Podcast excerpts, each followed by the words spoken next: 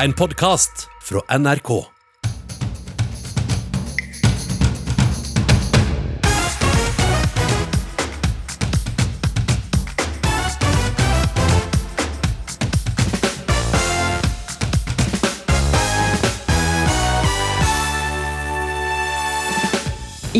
Morgenkåpe kryssa en mulig russisk leiesoldat piggtrådgjerder og en islagt elv for å komme seg til Norge. Syns jeg hørte sånn skuterdur her. Tenkte det var noen på isen da, men eh, etterpå så har jeg jo skjønt at det var nok politiet som var her. Hvem han er, og hvorfor en hel verden er opptatt av hva han har å fortelle, det skal du snart få høre. Signalfeil, løse kjøreledninger og en stengt tunnel. Alt lå til rette for togkaoset på Østlandet denne uka. Konduktørjobben kan da føles tung. Av og til så må du kanskje la folk bare få blåse ut litt og, og tørre å være litt den skyllebøtta, da. Um, og ta imot litt dritt. Atle Antonsen er tilbake i manesjen og Misjonen. Har jo skamma meg, da. Noe voldsomt, selvfølgelig. Er det nok å innrømme skyld og selvforakt for å få tilgivelse av offentligheten? Vi lar en kommunikasjonsrådgiver og en retorikkekspert avgjøre. Riktig god lørdag. Jeg heter Marte Kaase Arntzen, og du hører på Ukeslutt.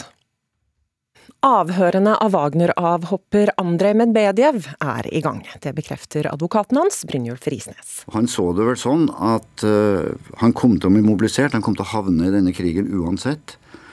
Og, og da tenkte han var like greit å ta eget initiativ og verve seg sjøl. Så han trodde at dette var en, en god krig, og at uh, uh, russiske befolkning i Ukraina ble diskriminert og, og dårlig behandla, og at uh, dette var en frigjøring av disse delene av uh, Ukraina.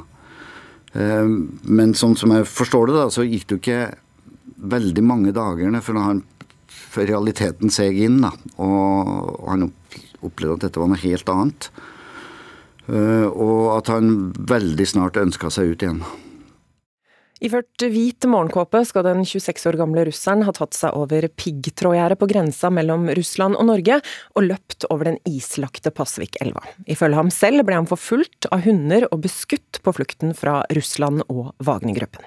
Våre kolleger i NRK Alta snakket med Svein og Anna Derås, som bor i grenda Skrøytnes, der han ble pågrepet forrige fredag. Han kom over elva herifra, eh, antagelig fra, fra andre sida her, da, og så kom over over elva og så opp til gården her borte.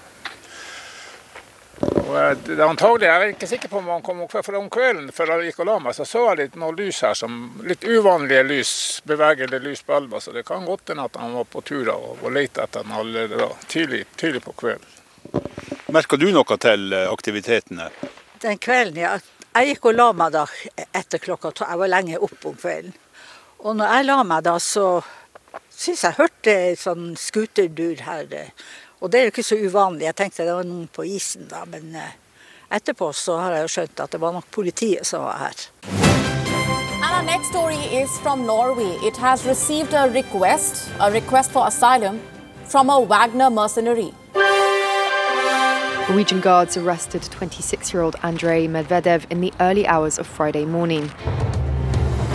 Well, right now, Medvedev is at a secure location in Norway, telling investigators every detail that he can remember. Avhopper fra Wagner-gruppa vil forklare seg om Russlands handlinger i Ukraina. Hva dere synes om at dere plutselig er sånn i vind og det er stor oppmerksomhet rundt det? det, det jeg syns ikke det er så trivelig. Jeg syns vi, vi, som bor langs grensa her, skulle få litt sånn orientering om orientering om hvordan vi skal opptre, og vise at det plutselig kommer noen over her. Det hørtes jo litt rart ut at han må komme seg over her, når du vet hvordan grensegjerdet er på andre sida. Så det virker jo litt rart at han har kommet seg, men, men det, har, det, har, jo skjedd. Det er rart at ikke de har oppdaga han. Det syns jeg er rart.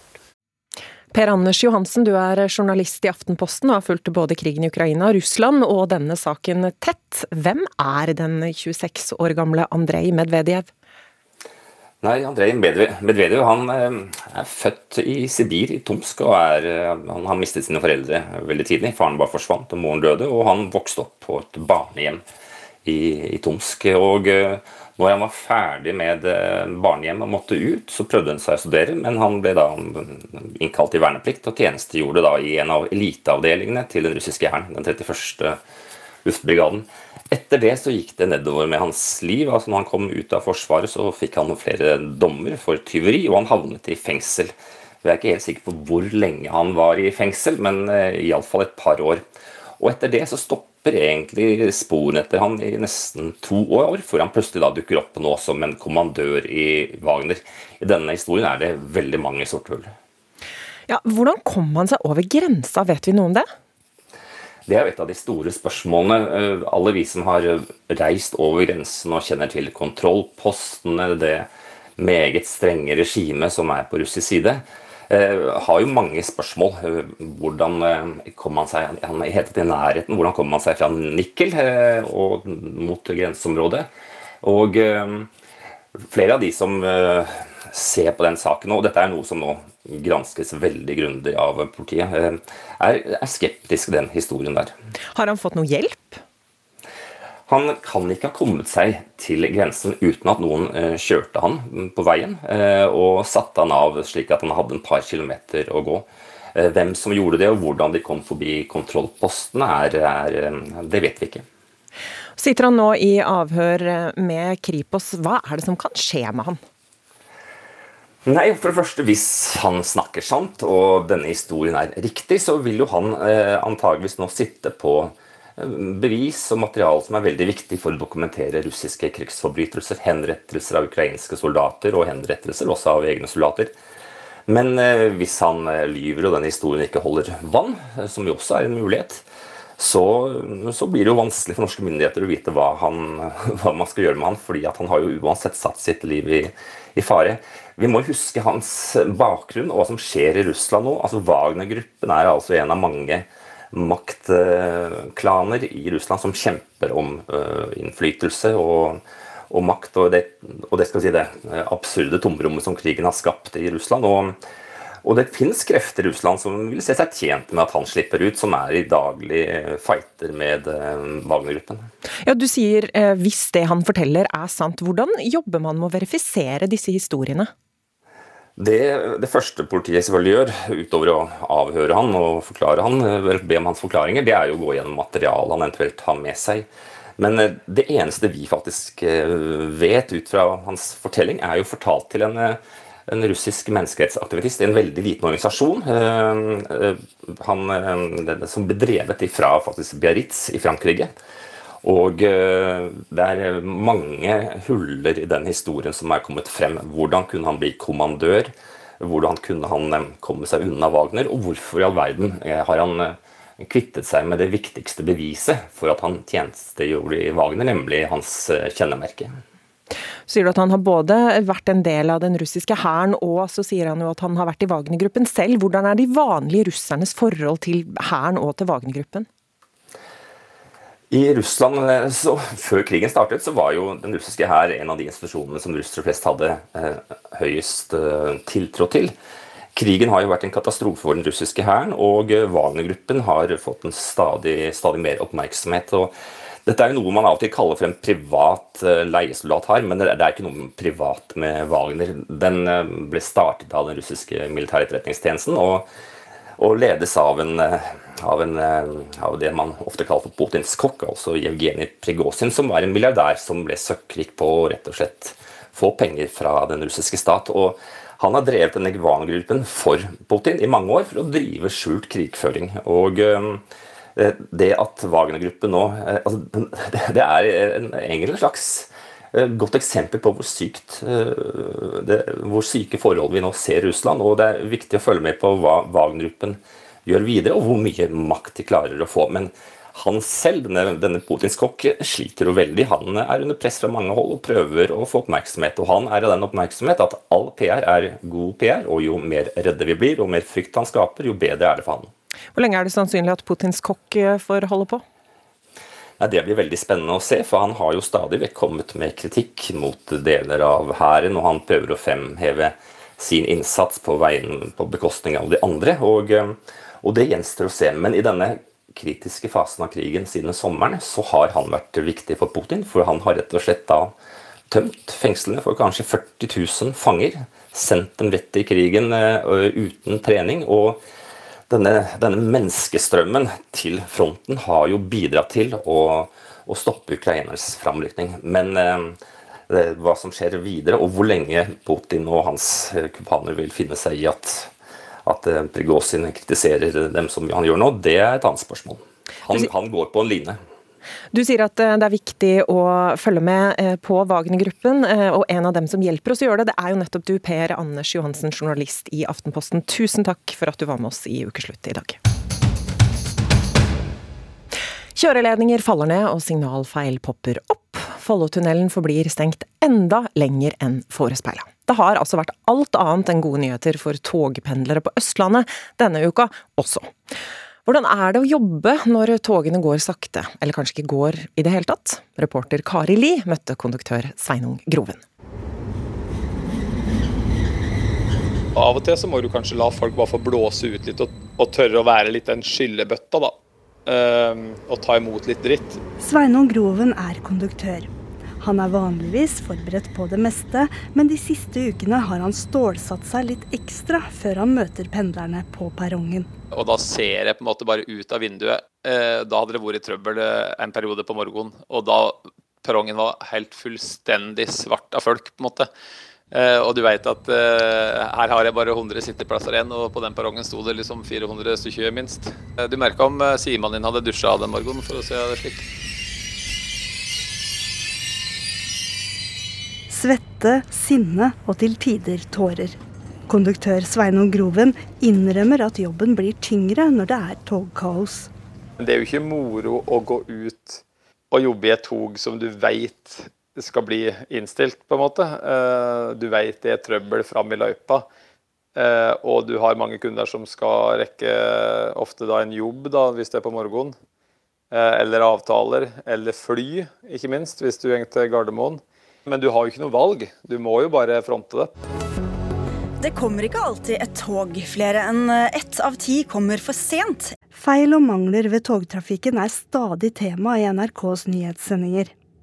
Det er signalfeil, kjøreledninger som faller ned, og øst for Oslo kjører togene i kø. Fordi den splitter nye Follotunnelen holdes stengt.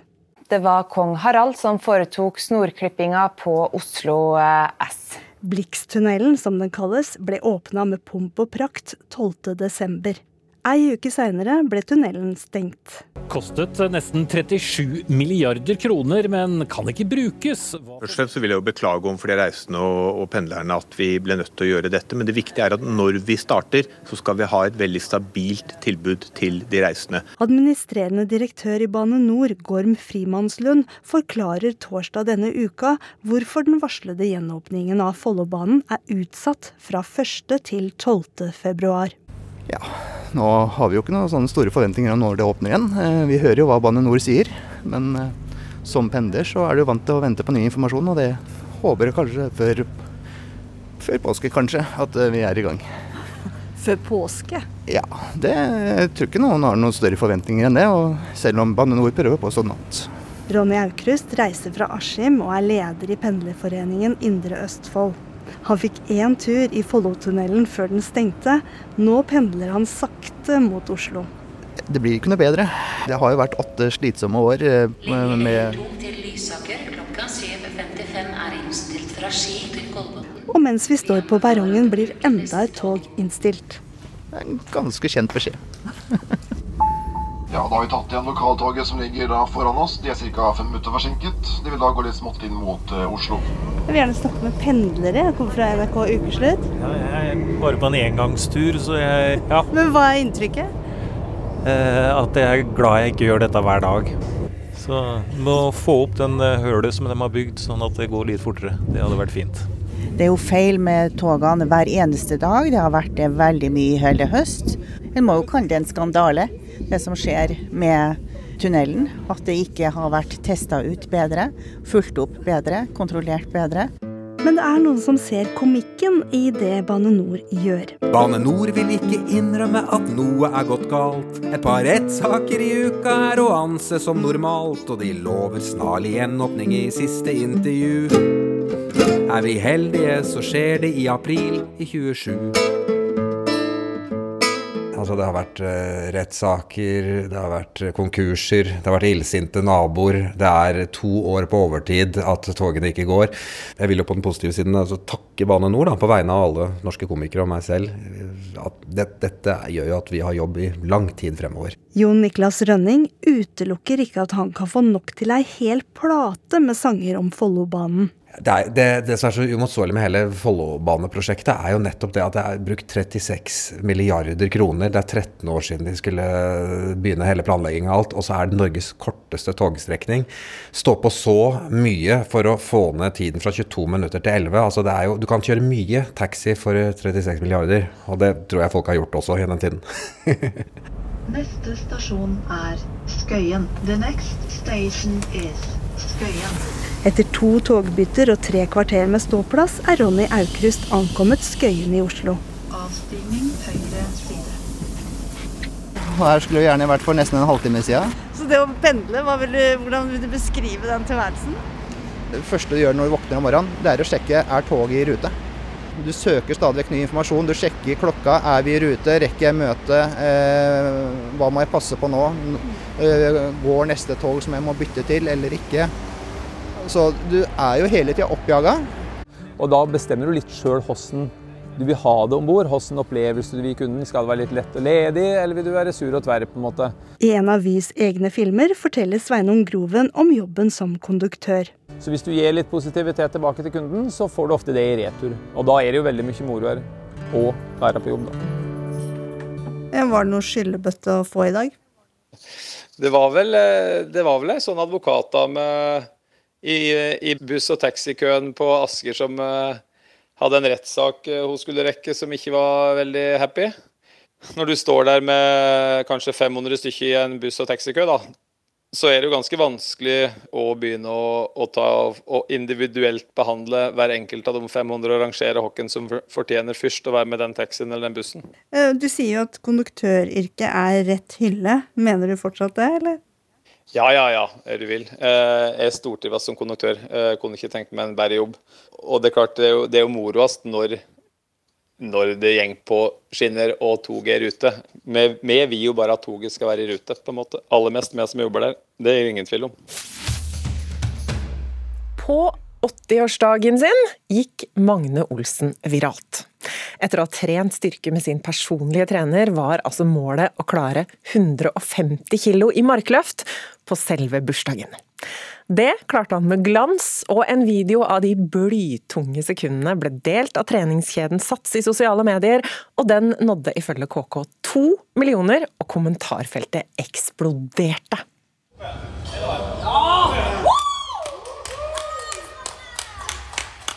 Velkommen til Magne Olsen og hans personlige trener, som vi hørte juble der, Therese Lie. Magne, du må nesten ta oss med tilbake til det øyeblikket. Hvordan hadde du det da?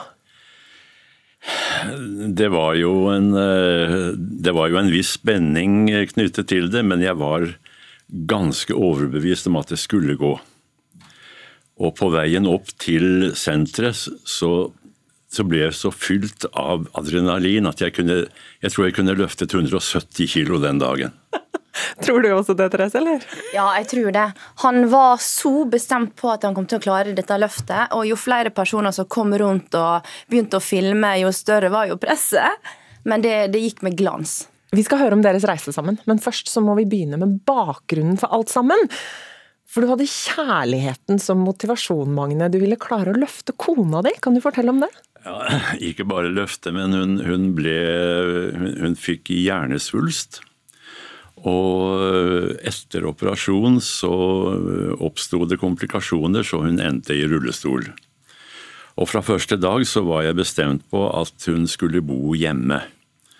Og for at jeg skulle klare brasene der, så måtte jeg trene. Hvordan begynte du med treningen? Hadde, vi bodde i en enebolig, og der hadde jeg et lite treningsrom.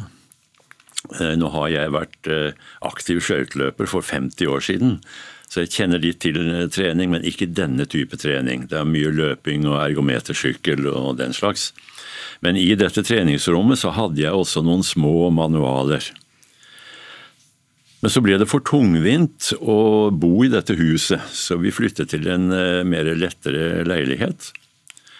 Og da mistet jeg treningsrommet. Og da skjønte jeg at hvis jeg skal fortsatt uh, greie å, holde Anna hjemme, så må det mer trening til. Og så er det en sats i nærheten, og jeg måtte gå den tunge gang til sats. Tung fordi at jeg alltid har latterliggjort både treningssenter og de som gikk der. Hvorfor det? Er fordi at det var helt annerledes type trening enn det jeg hadde, hadde, oppfatning om trening på. Trening for meg, det var, det var å løpe veldig hardt. Eh, treningen var vellykket hvis man var kvalm etterpå. Og så måtte man være gjennomsvett, og så måtte man gjerne være skitten til langt opp på leggene og vise at man har løpt i myr. Da var det god trening. Nettopp. Eh, Therese Lie, det er altså denne mannen du får på introduksjonsteamet. Da er du PT eh, på SATS den gangen, nå jobber du på EVO Fitness. Hvordan var det første møtet med Magne?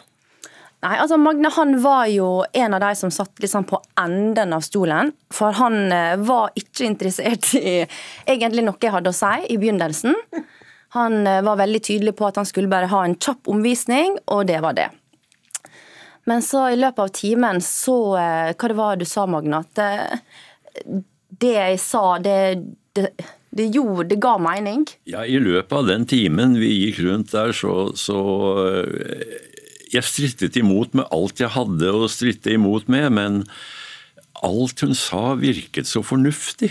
Eh, siste dagen før eh, senteret stengte pga. pandemien, så løftet jeg 100 kilo. Og både Therese og jeg var jo meget oppmuntret av å løfte hele 100 kilo. Og da jeg sto med stanga oppe der med 100 kilo, så kom denne ideen. Nå, nå ser jeg at du strammer musklene overarmene når du forteller om dette. Ja. Da, da, kom denne ideen om at om ett og et halvt år så fyller jeg 80 år. Tenk om jeg kunne løfte 150 kilo på 80-årsdagen. Men jeg, jeg, jeg, hadde ikke noen begreper om min egen kapasitet, så jeg måtte spørre Therese tror du det går. Kan jeg løfte 150 kilo om ett og et halvt år på 80-årsdagen? Å ja da, sa hun. Vi legger et program. Jeg tror ikke jeg sa å ja da. Jeg tror jeg tenkte meg litt om uh, før jeg svarte. jeg opplevde det sånn. ja, jeg skjønner det. Eh, men det er klart at jeg så jo Magne sitt potensial veldig kjapt. Så eh, det var jeg helt overbevist om at vet du hva, det tror jeg vi får til. Det kommer til å kreve Um, ja, mye arbeid, smart planlegging, dedikasjon og um, kontinuitet. Men, men, jeg tror det går, altså. Hvor viktig har det vært at det har vært akkurat Therese Magne som har vært med deg på denne reisa her? For meg så, så har hun altså vært en fenomenal trener. Hun begynner eh, ofte å spørre meg når jeg kommer på trening har du sovet i natt? Har du spist frokost? Har du vondt noe sted? Så det, det er veldig sånn personlig trener. Så har hun en form som er slik at eh, den er preget av eh, omsorg og litt småerten. Slik at eh, jeg tenker noen ganger jeg skal jaggu vise deg, altså. Hvordan er det å høre dette, Therese? Det er veldig kjekt å høre. Det er det virkelig. Jeg og Magne vi har jo fått en så et fint forhold opp gjennom tida vi har trent i lag. Um, jeg har lært masse av Magne tilbake, og Magne har lært av meg. Vi lærer om livet og trening og alt, alt mellom himmel og jord. Så har hun en spesiell måte å si ifra på når hun ikke er fornøyd. Hvordan er det, da? Ja, Det er det at når, når jeg skal gjøre knebøy med 70 kilo på skulderen, så Ja, du tar, tar 14, sier hun. Så, og så står hun bak meg, og så teller hun. Så teller hun én, to, tre, fire, fire, fem Da vet jeg at den fjerde var ikke dyp nok. Men hun sier det ikke. Du, hvordan er oppmerksomheten rundt Magne når dere trener sammen, eh, Therese? Vet du hva? Det er alt jeg har ønsket for Magne.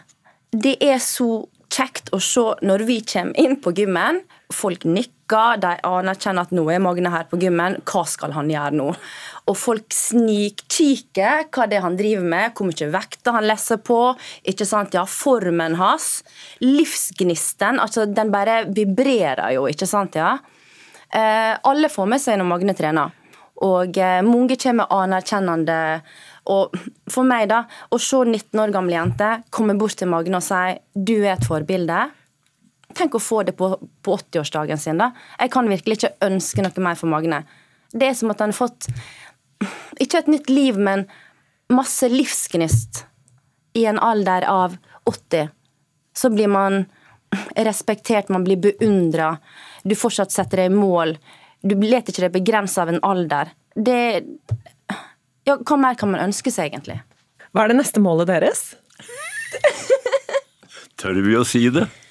Ja, siden hun spør, så vet ikke Vi må vel kanskje si det? Jeg, jeg får, det angår deg litt, så jeg tror du får si det. Magne han er jo så fin at det, nå syns han at det ble voldsomt mye oppmerksomhet på sin bursdag.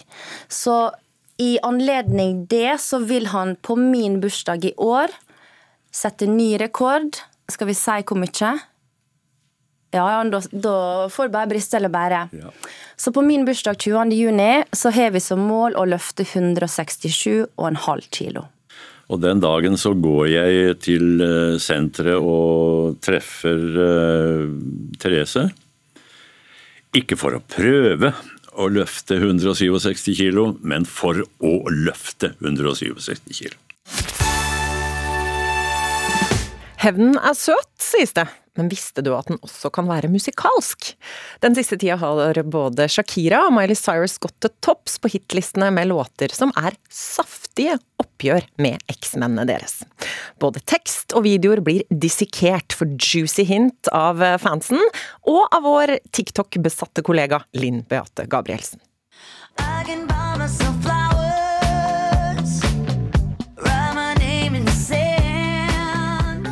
13.1 slapp Miley Cyrus denne låta og videoen. Ingen tilfeldig dato. Bursdagen til eksmannen. Jeg elsker det.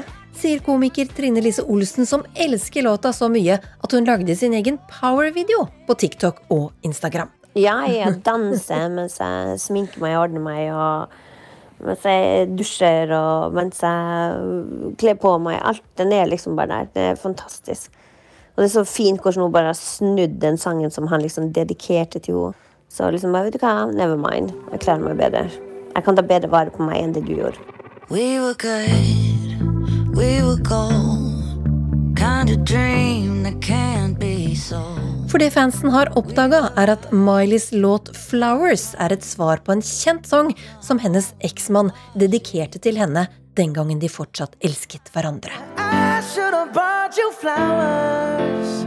I can buy myself flowers and held your hand. Write my name in the sand. Should have gave you all my hours when I had the chance. Talk to myself for hours. Og så videre, og så videre.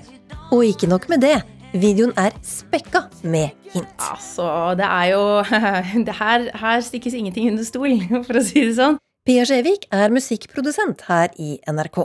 Langt på vei eh, bekrefter hun eh, med måten hun kler seg på, måten hun styler håret sitt på, at hennes eks hadde en affære med Jennifer Lawrence. Som jo er helt skandale.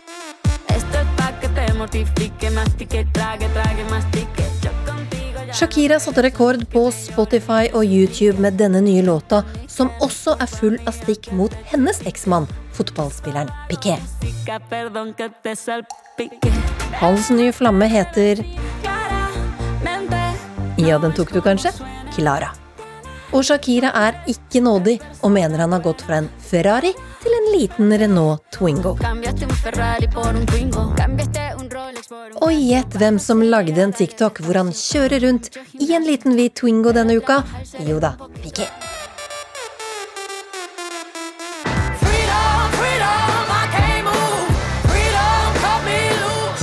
Det var Beyoncé som gjorde den første store selvutleveringsplata, hvor hun egentlig også var ganske åpen om at det var det hun drev med, med Lemonade. Forteller Pia Skjevik. Og da hadde da hennes mann hatt en affære, og det, det Hun følger oss på den plata gjennom hele den prosessen fra hun er alene hjemme og venter på at han skal komme og begynner å bli mistenksom, til hun finner ut av det, blir rasende Altså det er jo de fem stadiene av sorg, på en måte, ikke sant? Eh, til til slutt det ordner seg mellom de. Always stay gracious, best revenge is your paper. Derfra var veien åpen for andre artister til å dele og legge ut hint til fansen. Jo, det blir jo, ikke sant, Da blir det jo ikke sant, ekstra spennende. Og det er jo igjen dette gåsehudene nye fenomenet med sånn påskeegg som blir gjemt rundt i musikkvideoene, hvor da fans sitter med, sant, med lupe omtrent for å finne hint og for å få vite mest mulig. Og det er jo Altså, TikTok er jo full av sånne små spesialetterforskere på en måte som sitter der og bare Vent nå lite grann her her.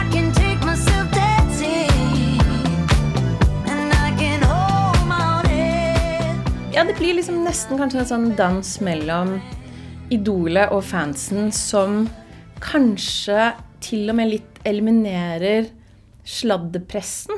Um, F.eks. igjen da altså dette med Miley nå, men også liksom igjen Taylor Swift tidligere, som som aldri lar seg intervjue om privatlivet sitt. Og hvordan hun da på en måte likevel kan gi fansen det de vil ha. Gjennom liksom eh, hint og påskeegg og sangtekster og eh, ting i musikkvideoen og sånn.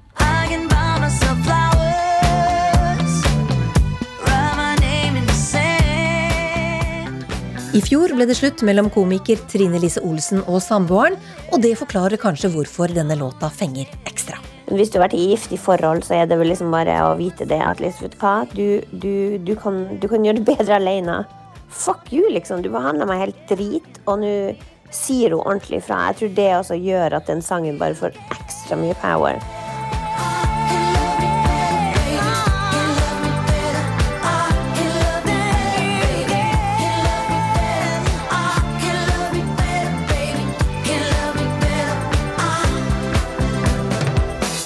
I dag fyller prinsesse Ingrid Alexandra 19 år, og hvis du vil se hvordan en prinsesse ser ut etter å ha hoppa fra 6000 meter, ja da anbefaler jeg en tur inn på nrk.no. Ingrid Karoline Karlsen har snakka med folk på gata som hadde lyst til å gratulere med dagen. Eh, gratulerer med dagen fra Sverige. Gratulerer med dagen, du er flink. Gratulerer med dagen. Ha det, håper du har en fin dag. Og det trenger du med stor dag som deg. Jeg skulle ønske jeg kunne møte og si hei. Og virke som en hyggelig person. Kunne tenke meg bare sånn si hei og henge litt, egentlig. Ja. Ja, for uh, gratulerer Ingrid Alexandra med bursdagen. da. Og jeg syns hun er en kjempeflott eh, representant for kongehuset. Så ønsker all lykke til i framtida. Gratulerer med dagen. Grattis. Uh, nei, hun virker som en sympatisk, hyggelig jente. Sporty og blid. Ja. Gratulerer med dagen, prinsesse Ingrid Alexandra. Ha en fin dag! Ukraina får ikke stridsvognene de har ønska seg fra Vesten. Det ble klart da forsvarsministre fra 50 land møttes på den amerikanske Ramstein-basen i Tyskland i går. Men eh, også her hjemme har debatten om våpen til Ukraina virkelig rast denne uka. Rødt er det eneste partiet på Stortinget som er motstandere av norske våpenstøtte, men nå har også flere i Rødt-ledelsen endra syn. Og Sylvi Listhaug, Frp-leder, eh, du er en av dem som har vært de strengeste kritikerne av Rødt. Hva er det du reagerer på? Nei, det er jo det at her har det vært et blodbad i snart et år. Eh, folk har blitt drept, lemlesta, eh, voldtatt. Det har vært grufullt det som er kommet fra Ukraina. Og så bruker man da nesten ett år før man tar en diskusjon om å gi våpen. Det var jo alle partier som hadde en diskusjon til å begynne med, men eh, vi skjønte jo det at eh, dette handla om vår plikt til å stille opp for Ukraina og sørge for å gi dem eh, muligheter for å stå imot den russiske krigsmaskinen. Og uten de våpnene som de har fått fra Vesten, så ville de blitt tatt fra Putin for, for lenge siden. Så dette vært helt avgjørende. Så Rødt har stilt seg på feil side av, av eh, historien i denne saka her, og jeg syns det rett og slett er litt uh, skammelig å se at det tar nesten ett år før man våkner og forstår uh, alvoret. Vi har med oss Mimir Kristiansson, også stortingsrepresentant i Rødt. Du sitter ikke i ledelsen, og du er enig med Sylvi i at Ukraina bør få våpen. Hva er det som skjer i partiet ditt om dagen? Altså først vil jeg si at Hele Rødt er enig i at Ukraina bør få våpen. Rødt har aldri vært mot våpenstøtte til Ukraina, så det er feil. Men Rødt har vært mot at Norge skal sende våpen. Og det er fordi at Norge har hatt en historisk linje siden 1959, innført av Einar Gerhardsen, støtta av alle partier fram til februar i fjor, om å aldri sende våpen til land i krig. Og Det er den Rødt har da stått på i et år lenger enn de andre. Men vi har aldri motsatt oss at Ukraina skal få våpen fra andre land. Vi har til og med gått inn for at Ukraina skal få mer økonomisk bistand fra Norge, som de kan bruke på å kjøpe våpen fra andre land. Men jeg mener som sagt at det standpunktet i lengden er utålbart, fordi at jeg ikke tror at Norge kan spille noen sånn rolle, avgjørende rolle som eh, nøytral part her, som en slags eh, tilrettelegger for fredsforhandlinger, eller hva det skulle være. Og Derfor så mener jeg at Norge heller burde bidra også med våpen direkte, når det er det Ukraina har behov for. Jeg syns det er helt ufattelig at det brukte nesten ett år på å forstå det. Eh, Her har jo Ukraina bedt på sine kne eh, hele det året som er gått på syns jeg Du er det er ufattelig med min hjelp. politikk, da. Ja, det er det. At du legger, vil legge ned norsk sammen, olje- og gassnæring er en, en annen ting som Ja, vil hjelpe ja, ja, Putin. hele Rødts program. Så det kan vi Ja, ja. diskutere en annen Men, gang. men hjelper ikke? De har jo fordømt denne krigen fra dag én, som Kristiansson sier, eh, Listhaug. Hjelper ikke det? Jo, men når vi ser de kreftene som er i sving i Rødt, så er det jo til å bli vettaskremt av. Altså, vi ser personer stå på TV og snakke om at Nato egentlig ikke vil at det skal bli fred. Nato ønsker ikke at det skal bli forhandlinger. Det er nesten insinuasjoner om at det er andre utenforstående som har skylda for det hele.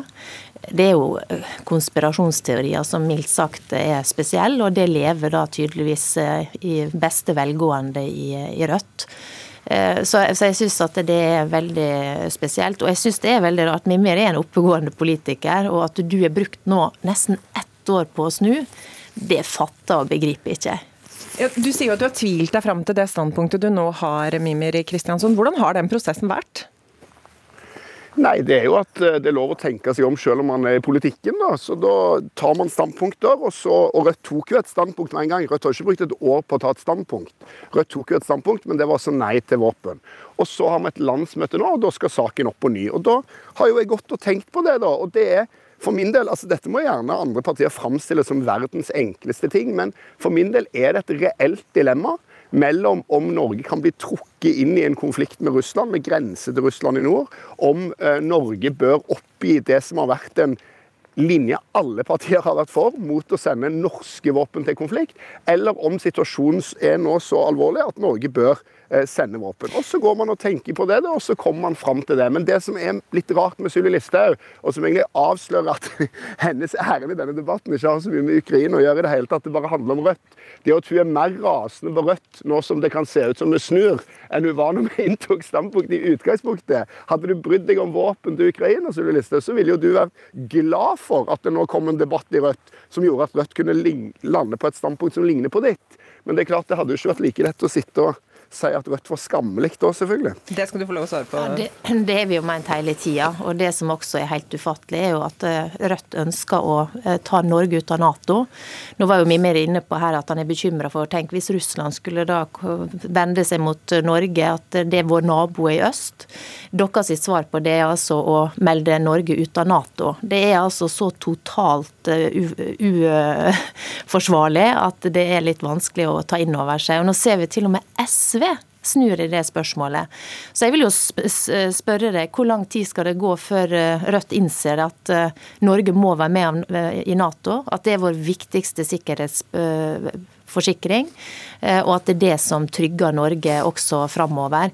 Og husk på det at Nato, og jeg bruker jo å si at Rødt sin, sitt hat til USA er større enn deres kjærlighet til Norge. Eh, USA har altså bidratt nå med 265 milliard kroner i våpenleveranser til Ukraina. Så uten USA så ville jo det sett helt annerledes ut.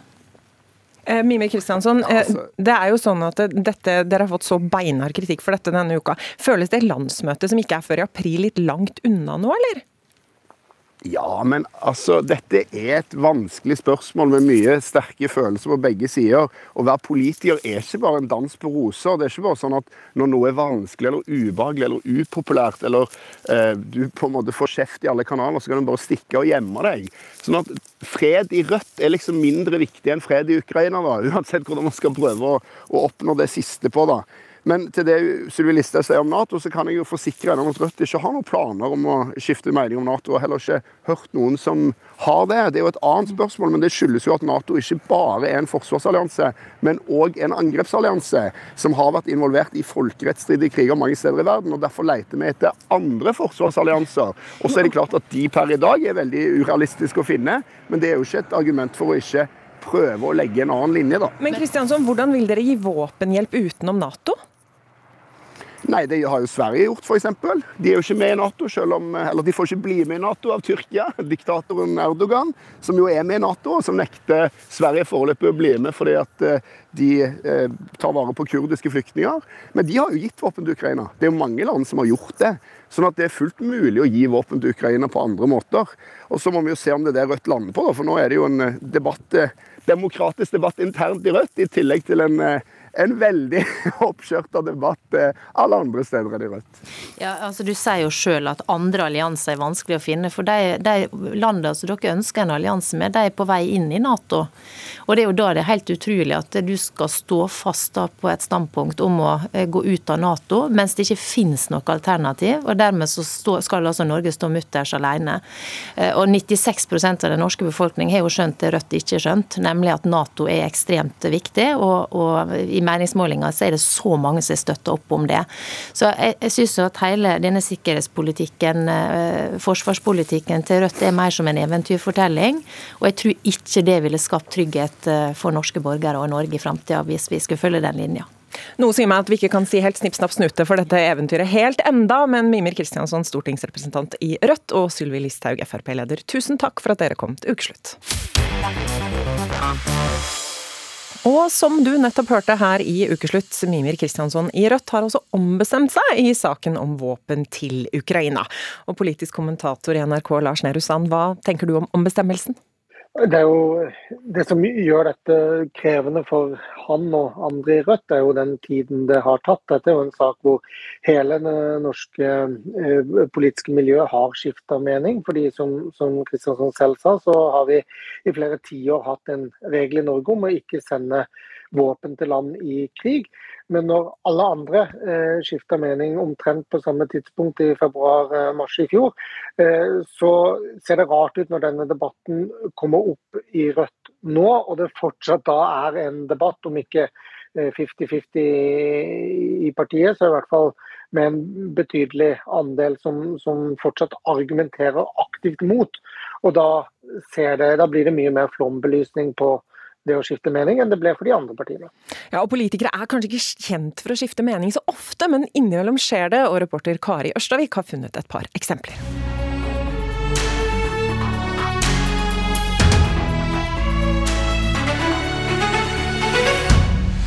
Nå må du høre godt etter, for du skal få høre noe sjelden. En politiker som sier han tok feil, og har snudd. Dette er Politisk kvarter 29.3.2016 og programleder Astrid Randen. Politikeren det handler om er stortingsrepresentant for Høyre Henrik Asheim. Han ville først fjerne pappakvoten, men kom på andre tanker etter å ha snakket med familie og venner. Jeg har uh, sett virkeligheten uh, ved siden av det prinsippet jeg har hatt. Altså Jeg har uh, ironisk nok kommet opp i en alder hvor jeg ser at mange av mine venner får barn. Jeg har en bror som har fått barn, og jeg ser hvordan dette systemet fungerer. Og Jeg er ikke en politiker som mener man skal bruke personlige anekdoter for å lage politikk, men jeg tror man skal prøve politikken man har opp mot den virkeligheten man møter. Personlige anekdoter er nå én ting, men at nær familie også påvirker politikere, det er sikkert. Senterpartiets kristne kommunalminister i 2008, Magnhild Meltveit Kleppa, snudde i synet på homoekteskap etter å ha snakket med sin egen homofile sønn. Altså, jeg har opplevd det samme som veldig mange i dette landet opplever. Jeg har fått et uh, spørsmål inn på livet i min nærmeste familie. Det har jeg måttet tatt følgene av. Jeg må være ærlig både mot meg sjøl, mot sønnen min, imot mannen min og imot Gud. Ja, det var Magnhild Meltveit Kleppa til slutt der. Hvilke andre eksempler har du på politikere som har skifta mening, Lars Nehru Sand? Ja, vi kan godt normalisere det litt, fordi det, det skjer jo si, ved, ved, behandlingen av hvert eneste landsmøteprogram eller partiprogram på, på landsmøtene hvert eh, fjerde år, så, så, snur eh, politikere, enten det er da om eh, abortlov eller homofili, om, om det handler om ting som man ikke lenger har penger til, eller at verden har endra seg. At man har fått prøvd ut et tiltak som det å øke barnetrygden eller innføre en lærernorm, hvor Høyre snudde. Arbeiderpartiet snudde i spørsmålet om Lofoten, Vesterålen og Senja. Så det er jo litt lettere når det er kanskje på partinivå, når det ikke er så tett på livet som de eksemplene vi har eh, hørt her. Men politikere skifter meninger oftere enn vi tror. Og så kan begrunnelsen, timingen for skiftet, kanskje avgjøre hvor rart eller hvor oppsiktsvekkende det å endre et, et standpunkt faktisk er. Som sagt så vil jo noe handle om at eh, verden forandrer seg, og da handler det jo også litt om hvordan du, eh, hvordan du følger med rekkefølgen der. Er det Forandrer du deg i takt med den, eh, den endringen i tiden, eller presser du på for en endring i forkant, eller blir du på en måte den siste som, som uh, kommer til den si, innlysende konklusjonen for alle andre. Uh, det, det, vil nok avgjøre hvordan et sånt uh, skifte blir, blir, tatt imot. Men alle disse endringene vi snakker om, har jo noen som har gått foran, og noen som har fulgt strømmen, og noen som kanskje kommer litt mer i ettertid. Det er helt sikkert ikke siste gangen at vi har hørt om politikere som skifter mening her i Ukeslutt. Lars Nehru Sand, politisk kommentator i NRK, tusen takk skal du ha. Jeg Har jo skamma meg, da. Noe ja. voldsomt, selvfølgelig. Eh, kjent på skam og, og, skyld, skyldfølelse og selvforakt, eh, ikke minst. Så, ja. Og det er jo de tre store, det. De tre store s-ene. Atle Antonsen er i gang igjen med Misjonen på P4 sammen med Johan Golden. I går hadde han også sin første sending og offentlige opptreden etter at han trakk seg fra rampelyset i høst. Da ble han anmeldt for rasisme mot forfatter og samfunnsdebattant Sumaya Jirde Ali, etter å ha snakka høyt, virka aggressiv og sagt at Sumaya var for mørk i huden til å være der de var. Anmeldelsen ble senere henlagt både av statsadvokaten og Riksadvokaten. Og Antonsen sa på Misjonen-sendingen i går at han har hatt bedre tider. Jeg kan ikke begynne å snakke eh, synes jeg, detaljert om eh, hva som skjedde på eh, barboka den kvelden. For det, hver eneste gang det temaet kommer opp, så går det jo kun utover Sumaya. Ja. Og jeg vil ikke at hun skal få noe mer dritt og sjikane på grunn av meg. Philip eh, Rinning Cocker, du er eh, rådgiver i Minotenk, og du sa til Subjekt denne uka at eh, Antonsens opptreden og hva han sa på sendinga vil bli viktig for hvordan vi kommer til å se på saken videre. Hva syns du? Nei, jeg syns det var skuffende alt i alt. Mm, jeg hadde håpet at Antonsen og Golden kunne ta en liten dypdykk i spørsmålet rundt rasisme, kanskje rasisme som fenomen og omfanget. Men um, det ble med det, og uh, han sier jo at han ønsket å ikke snakke om det fordi Sumaya får mye hets og sjikane. Ja, det er jo for så vidt uh, enig men hadde fortsatt håpet at uh, de kunne være med på å belyse temaet omkring rasisme litt mer, da. Du sier jo også at du synes at Golden glimra med sitt fravær av kritiske spørsmål. Mener, Hvilke spørsmål ville du gjerne ha hørt bli stilt? Nei, Vi kunne jo f.eks. hørt om Antonsen hadde noen hvordan ser han på saken nå i ettertid? Har han et annet syn på fenomenet rasisme? Og ikke minst om han som en maktperson, som en av Norges største komikere, eh, ser på en måte sine handlinger i, i lys av det her, da, hvordan han ser de. Kommunikasjonsrådgiver Maria Nakken, hvordan syns du Atle Antonsen framsto? Jeg syns han eh, framsto greit. Det her var på en måte en transportetappe for han. Eh, nå skal han tilbake i misjonen. Eh, og om det var riktig at han skulle tilbake nå, eller om det skulle ha skjedd om noen uker eller noen måneder, jeg vet ikke om han har hatt så mye å si for hans publikum og hans menighet der. Men når han først var tilbake i går, syns han klarte seg greit. Han gjorde i hvert fall et par viktige ting. Det ene var det klippet vi hørte nå hvor han sier at eh, hver gang saken blusser opp, så er det en belastning for Sumaya. Det tenker jeg var viktig at eh, han fikk frem. Og så sa han jo også avslutningsvis at han hadde fått en del venner han ikke ville ha. høyreekstreme og folk med rasistiske holdninger. Det tenker jeg også var viktig at uh, han fikk frem. Uh, og så er jeg enig med Philip at uh, det var jo ikke et kritisk intervju fra Johan Golden, det her, og det var kanskje ikke forventa heller. De er bestevenner og, og, og, jobber sammen, så det er en utakknemlig posisjon for han å, å, å ta også den kritiske. og så syns jeg også hele den passasjen med den turen til, til, Danmark, den var jo litt interessant fordi man får et lite innblikk i hvordan han hadde det i den perioden ja, han etterpå. han forteller at han har kjørt alene til Danmark og sett etter biler med norske registreringssentre på parkeringsplassen fordi han er så redd for å bli sett. Ja, ja. så havner han midt i eh, sentrum i, i, København og innser at det var en dårlig idé, for der er det mye nordmenn, og, og isolerer seg på hotellet. Eh, og så for så vidt eh, gir oss et innblikk i, i, i, hvordan han har hatt det. Og han understreker når han forteller at det ikke var noe synd på han fordi han ikke er noe offer. Samtidig så høres det jo litt ut som, som et offer, og det er jo litt sånn når man har eh, fått stempelet som kronidiot, da, for å bruke hans egne ord, Eh, og du sutrer og klager og, og fremstiller deg som et offer, så er jo ikke det helt positivt. Men eh, helt greit kom han unna det. I, i, i det i den, på den flaten der, så, og til sitt eget publikum, så gikk det sikkert hjem. Magnus Hoem Iversen, du er også med oss. Du har doktorgrad i retorikk. Og det er jo ikke det første Antonsen uttaler om denne hendelsen. Han har jo også kommet med en beklagelse på Facebook noen dager etter dette møtet med Sumaya Iridali, og så hørte vi jo ikke noe mer før i går. Hvordan vil du vurdere unnskyldningen hans? Nei, altså det er jo litt artig med unnskyldninger at uh, det del Det er ofte en jobb, da. Det er ikke noe bare du kan kommunisere. Det holder ikke bare å si noe. Ofte det holder ofte ikke bare å si beklager. Du må liksom også vise at du har skjønt hva du har gjort, og at du kanskje til og med skjønner hva du gjorde feil, og dermed innrømme hva som på en måte er litt feil inni deg sjøl. Og så må du gjerne eh, i tillegg, for dette er ganske omfattende, eh, vise hvordan du har tenkt å forbedre det.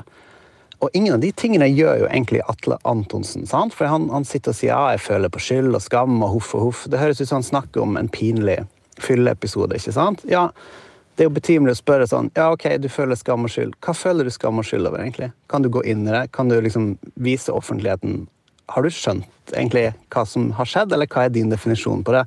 Der gir han veldig lite informasjon og vil helst videre til Danmark da, i sin historiefortelling. Så dette her er sikkert nok til å få en del folk i norsk offentlighet og befolkningen generelt til å tenke at ja, ja, dette var noe helt greit, la oss gå videre med livene våre. Men for mange andre så vil det nok ikke være nok. Eh, og det er jo sånn med unnskyldninger og tilgivelse at man selv ikke bestemmer når man er tilgitt. Det må liksom de alle andre gjøre, da. Nakken. Så er det også, ja, ja, Det syns jeg er et uh, viktig poeng, fordi jeg tror at han uh, allerede er tilgitt uh, hos sine fans, og det tror jeg han egentlig var før den opptredenen i går også. Og, og, det er ikke den store utfordringen til Atle Antonsen. Den store utfordringen er nettopp det du påpeker. Hvordan skal han komme gjennom og gjenreise omdømmet sitt blant, blant flere, og spesielt da blant liksom kommersielle samarbeidspartnere. Da. Han er jo programleder i Misjonen, men han gjør jo også veldig mye annet. Han er skuespiller, han er programleder på andre flater, han eh, driver med reklame, er konferansier osv. Det å komme tilbake der eh, kan bli krevende, og da tror jeg skal mer til enn den beklagelsen vi, vi har sett eh, nå. Så der, det støtter jeg. Vi kan også nevne her da at vi har invitert Atle Antonsen til å være med i Ukeslutt i dag, men han takket pent nei til det. Cocker, du ville kommentere nakken? Ja, jeg bare si at jeg mener det er um det er ikke, i mine øyne ikke særlig interessant om hans støttespillere tilgir. Jeg mener at det er Sumaya og mennesker som identifiserer seg med Sumaya, eh, sin oppgave å eventuelt skulle tilgi her. Eh, og så har jeg lyst til å bare mm, påpeke det at eh, min kollega Lisa Isabel Knutsen skriver en kronikk i går om Kanskje vi skal begynne å snakke om hvem det er som kanselleres. Det er jo mange mennesker som snakker høyt om kanselleringskultur osv. Og, så og dette er vel et godt bevis på at det ikke alltid er så rett frem som vi ønsker å, å tenke at det er. da. Sumaya har jo rett og slett uh, tatt noen steg tilbake pga. hets og sjikane, noe hun også opplevde opplevd tidligere. Så jeg tenker at uh, vi gjerne kan gå noen runder i offentligheten med å redefinere tankene og begrepet kasteleringskultur. Ingen av de vi har med oss i dag mener at denne unnskyldningen har vært fullstendig fullgod, men hva er det Atle Antonsen må gjøre for å gjenopprette tillit og respekt, da? Vi tar, eh, vi tar med oss Hoem Iversen igjen, vi. Nei, altså, Da må han jo gå dypere inn i dette. da, og gå betydelig, altså Forpliktelse mye mer enn det han gjør nå. sant? Da må han bruke denne anledningen til å snakke om hva det var som skjedde. Eh, er det noe han selv ser i seg sjøl som er galt? Er det noe han må jobbe med? Er det noe han har tenkt å gjøre aktivt for å forbedre seg? Eh, hvordan opplevde han hele situasjonen? Ser han faktisk på det som en sånn ja, det var litt dumt, eh, en uheldig episode på en bar? Eller er det noe mer her? Det er jo helt avgjørende for om man får tatt den der tunge og seige og viktige praten som jeg tror mange også ønsker her, da. Nå skal Maria Nakken få lov å være kommunikasjonsrådgiveren til Atle Antonsen. Helt kort til slutt, og gi ett råd. Ja, Da ville jeg i hvert fall hatt en, god diskusjon med ham på om man skal nå uttrykke seg på en eller annen plattform enn innenfor de trygge rammene han har vært i, på sin egen Facebook og i Misjonen. Det syns jeg han skal vurdere, nettopp for å eh, bli stilt de kritiske spørsmålene om hva mer han nå har tenkt å gjøre. Han har innrømmet at han må revurdere forholdet sitt til alkohol f.eks. Eh, hva mener han med det? Da kan vi jo invitere Atle Antonsen til ukeslutt igjen vi neste lørdag, hvis han har lyst til å komme hit og snakke om det. Philip Rynning Cocker, rådgiver i Minotenk, Magnus Hoem Iversen, doktorgrad i retorikk og kommunikasjonsrådgiver Maria Nakken, tusen takk for at dere kom hit i dag. Når han kommer om natta, ta med seg minner. Jeg prøver å glemme bort, så finne fram skjoldet, sverdet og holde. Ingen kan stoppe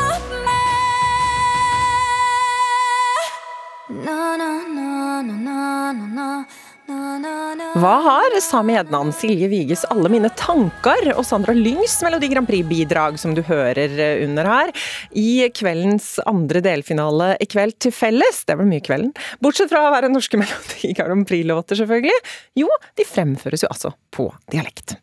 Og Sandra Lyng, hvorfor valgte du å synge på Mosjø-dialekt? Jeg gjør det for at jeg, jeg føler at det blir enda mer nært og ekte da. Det blir som jeg bare forteller en historie eh, med melodi på.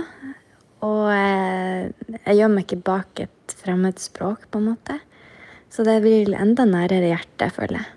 NRKs anmeldere de reagerer jo litt ulikt på dette her. En sier 'åh, på dialekt det elsker jeg', og den andre sier 'uff, nei, på morsjøen-dialekt. Hva tenker du om det?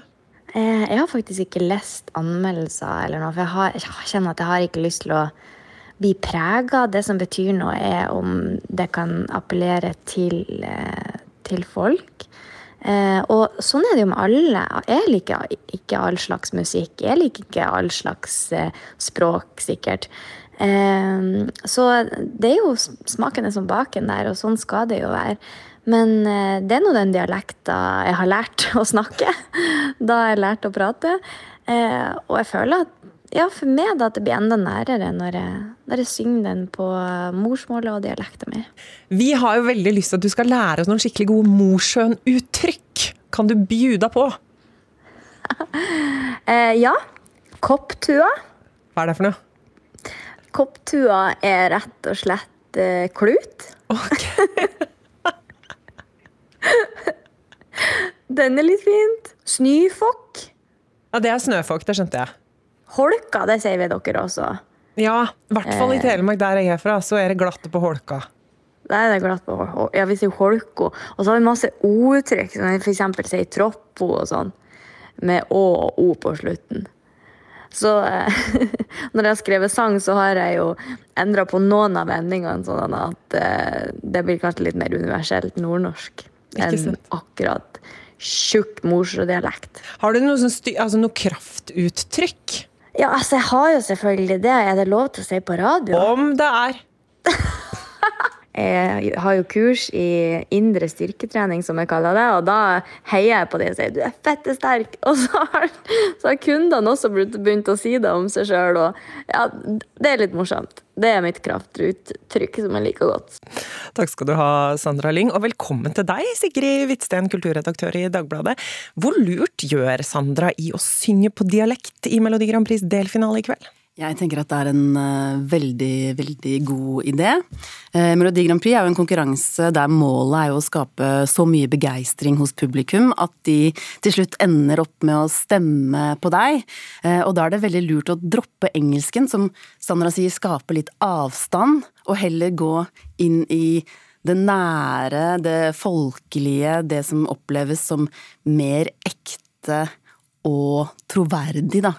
Som gjerne er som, som er den Altså den Sandra som er den der hun kommer fra, ikke sant. Som vi hører henne nå, på en måte, tettere på. Mm, Melodi Grand Prix er jo også en konkurranse sant, som har en veldig sterk lokal forankring.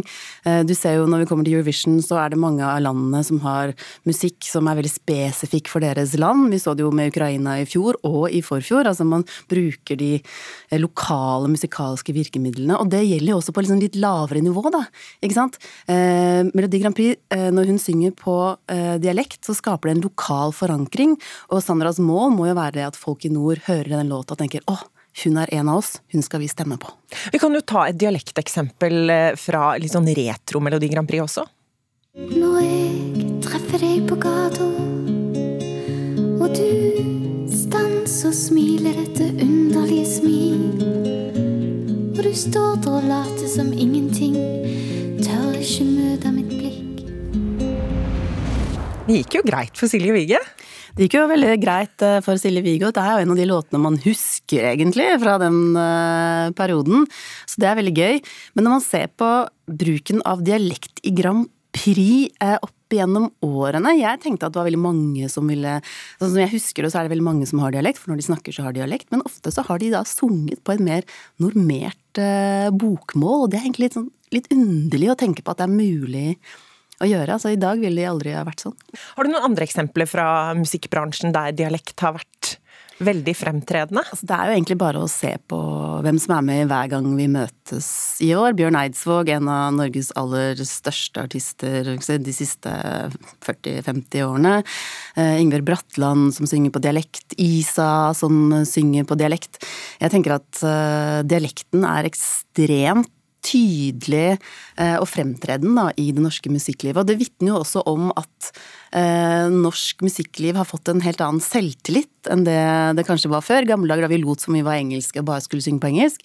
Eh, nå er vi eh, den vi er på en helt annen måte, og det er jo egentlig bare positivt. Vi har nettopp Isa her, som er aktuell i hver gang vi møtes nå. Både kombinerer litt sånn stavangerdialekt og engelsk. Dette er fra hiten Hallo. Shawty in love with this shit. Stack it with gossip, de racks på min bitch. Brukte shit lapper på Gucci my jeans. Løper jo 130 little bitch, for my dogs and this shit. Ja, hallo! Ja, hallo! Sigrid Hvitsten, kan du oversette? Nei, og jeg husker da jeg hørte denne sangen her på radioen for første gang, så tenkte jeg å, det var en kul uh, engelskspråklig låt. Nei, vent, den er norsk. Oi, jeg vet ikke. Jeg skjønner det fortsatt ikke. Det er ikke så farlig. Det er en av fjorårets største hits. Kan dialektord gjøre at man, at man faller av? Nei, det tror jeg ikke. Men det, det, jeg tror at tvert imot, egentlig. Jeg tror at dialekter kan gjøre at du henger deg på, eh, og at um, at det skaper da, som sagt, et helt eget språklig rom og noen nye sånn catchphrases som vi kanskje ikke ville hatt ellers. da, Sånn 'leve av livet', hva hadde den vært på bokmål? Eller 'ermen i kermen', for eksempel. Altså, sånn, det er jo språket da, som er med på å skape egenarten i de ulike låtene. Sandra Lyng synger altså 'Ingen kan stoppe med', så får vi se om det også stemmer i MGPs andre delfinale i kveld. Tusen takk til deg, kulturredaktør i Dagbladet, Sigrid Hvitsten. Det var det for ukeslutt den 21. januar. Jeg som heter Marte Kaase Arntzen er fryktelig glad for at du har hørt på, så tusen takk skal du ha for det. Jeg håper du får en aldeles strålende helg. Og så skylder jeg også å gjøre oppmerksom på at det er Line Forsmo som har vært sjef og ansvarlig denne uka. At det er Hilde Tosterud som har sørga for at musikken og teknikken har gått som den skal. Og nå tror jeg jammen ikke jeg har noe mer igjen å si, så da sier jeg bare riktig, riktig god lørdag. Du har hørt en podkast fra NRK. Hør flere podkaster og din favorittkanal i appen NRK Radio.